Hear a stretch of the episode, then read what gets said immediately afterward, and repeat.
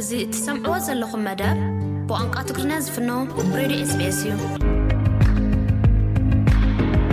ሰላም ጥዕና ይሃብልና ክቡራት ተኸታተልቲ SBS ትግርኛ ጸብጻባት ናይዚ ዕለት ንምቕራብ ኣርእስታቶም ከነቐድም።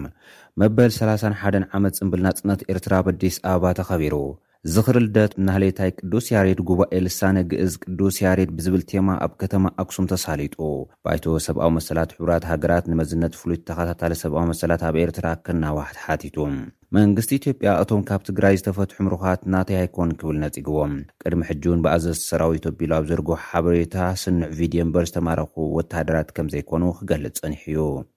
ኣርእስታት ጸብጻብ ክትከታተሉ ጸኒሖም ክቡራት ሰማዕቲ ናብ ዝርዝራቶም ክንሰግር። መበል ሰላሳን ሓደን ዓመት ጽምብል ናጽነት ኤርትራ ኣብ ኣዲስ ኣበባ ተኸቢሩ። እቲ ኣብ መካነ ምሕዝነት ዝተኻየደ ጽምብል ናጽነት ኤርትራ ድሕሪ ዕስራን ሓሙሽተን ዓመታት እቲ ዝደመቐ ምዃኑ እውን ተገሊጹ ኣሎ። ኣብቲ መድረኽ ብኣባል ስታፍ ኤምባሲ ኤርትራ ናብ ኢትዮጵያ ዲፕሎማት ሃብቶም ዘርኣ ዝተመርሐ ሃገራዊ መዝሙራት ኤርትራ፣ ኢትዮጵያን ሕብረት ኣፍሪካን ዝተኸፍተ ኮይኑ፣ ፈጻሚት ጉዳያት ኤምባሲ ኤርትራ ኣብ ኢትዮጵያ፣ ሕብረት ኣፍሪካን ከምኡውን ቁጠባዊ ኮሚሽን ሕቡራት ሃገራት ኣብ ኣፍሪካን ኣቶ ቢንያም በርሀ መኽፈቲ መድረኽ ኣስሚዖምሉ። እቲ መድረኽ ኣብ ኣዲስ ኣበባ ዝነብሩ ኤርትራውያን ዕዱማት ኣጋይሽን ዝሰረኹሉ ኮይኖም፣ ካብ ኤርትራ ዝኸደ ጉጀለ ባህሊ ነቲ መድረኽ ዘድመቐ ነይሩ። መበል ሰላሳን ሓደን ዓመት ጽንብል ናጽነት ኤርትራ ኣብ ዝተፈላለዩ ሃገራት ዓለም፣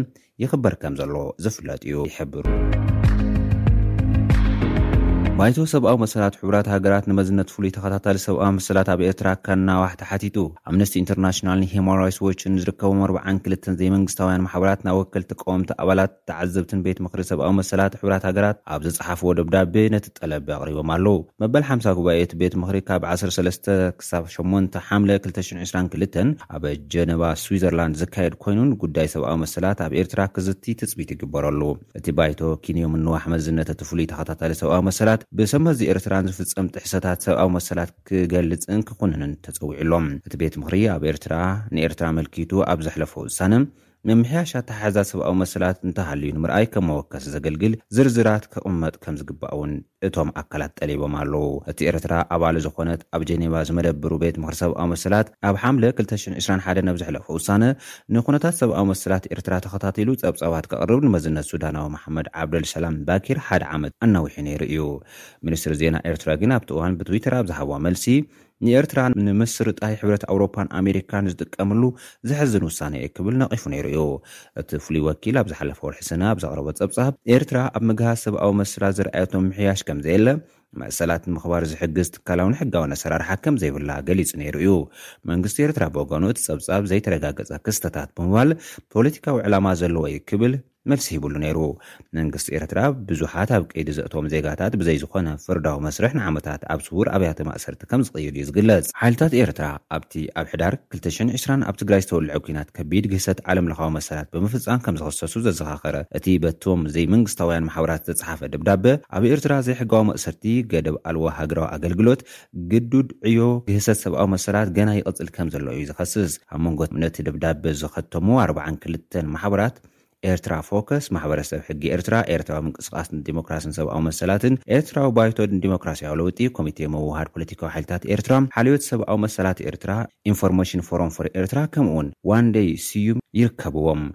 ኣብ ጥቅምቲ ክልተ ሽሕን ዕስራን ሓደን ንኻልኣይ ግዜ ኣባል ቤት ምኽሪ ሰብኣዊ መሰላት ሕቡራት ሃገራት ኮይና ዝተመርጸት ኤርትራ ክሳብ ክልተ ሽሕን ዕስራን ኣርባዕተን ኣባል እቲ ባይቶ ኮይና ከምእተገልግል ቢቢሲ ዝዘርግሖ ጸብጻብ የረድእ። መንግስቲ ኢትዮጵያ እቶም ካብ ትግራይ ዝተፈትሑ ምሩዃት ናተይ ኣይኮነን ክብል ነጺግዎም። ቅድሚ ሕጂ'ውን ብኣዘዚ ሰራዊቱ ኣቢሉ ኣብ ዘርጎ ሓበሬታ ስኑዕ ቪድዮ እምበር ዝተማረኹ ወተሃደራት ኣይኮኑን ክብል ከም ዝገለጸ ዝዝከር እዩ። ወሃቢ ቃል መንግስቲ ትግራይ ኣቶ ጌታቸው ረዳ ብወገኖም ንስቅያት ምኽሓድ ኩርዓት ድዩ ዋላስ ዓወት ወይስ ልምዲ ሓሶት ክብሉ ሓቲቶም ኣለው።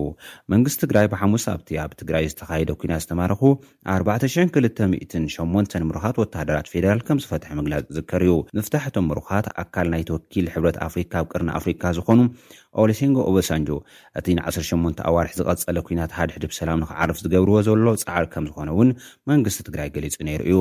ቤት ፅሕፈት ኮሚኒኬሽን ፌደራላዊ መንግስቲ ኢትዮጵያ እቶም ወተሃደራት ምሩኻት ከም ዘይኮኑ ክገልፅ እንከሎ ብግጉይ ሓበሬታን ፕሮፓጋንዳን ማሕበረሰብ ዓለም ንምድንጋር ዝተገበረ ፈተነ እዩ ክብል ነፂግዎ ኣሎ። መንግስቲ ኢትዮጵያ ኣቐዲሙ እውን እቶም ብኣሻሓት ዝቑፀሩ ወተሃደራት ሰባት ዘይኮኑስ ብቪድዮ ዝተሰነዐ መንግስቲ ትግራይ ንፕሮፓጋንዳ ዝጥቀመሉ ዘሎ ሓሳብ እዩ ክብል ገሊጹ ነይሩ እዩ። ምፍታሕ ናይቶም ምሩኻት፣ ተሓታትነት ዘየውሓሶ እዩ ዝብሉ ብዙሓት ሰባት ክቃወምዎ እንከለዉ፣ ካልኦት ድማ እቶም ምሩኻት ተፈቲሖም ናብ ዓዓዶም ምኻዶም ልክዕ ከምዝኾነ እዮም ዘካትዕሉ ዘለዉ። ወሃቢ ቃል መንግስቲ ትግራይ ኣቶ ጌታቸው ረዳ ብወገኖም ብትዊተር ኣብ ዝሃብዎ ግብረ መልሲ፣ መንግስቲ ኢትዮጵያ ክልተ ግዜ ነቶም ብኣሻሓት ዝቑጸሩ ምሩኻቱ ከዲዕዎም ኣሎ። ሕጂ'ውን ብኣሻሓት ዝቑጸሩ ብሩኻት ኣብ ኢድ መንግስቲ ትግራይ ኣለዉ፣ ንስቅያት ምኽሓድ ኩርዓት ድዩ ዓወት ወይስ ልምዳዊ ሓሶት ክብሉ ሓቲቶም ኣለዉ። ክቡራት ተኸታተልቲ SBS ትግርኛ ንሎምዓንቲ ዝሓዝናዮም ጸብጻባት ናይዚ ሰዓት እዞም ዝሰማዕኩሞም ይመስሉ ነይሮም። ኣብ ቀጻሊ ብካልእ ትሕዝቶ ክንራኸብ ኢና። ሰላም ደሓን ቀንዩ።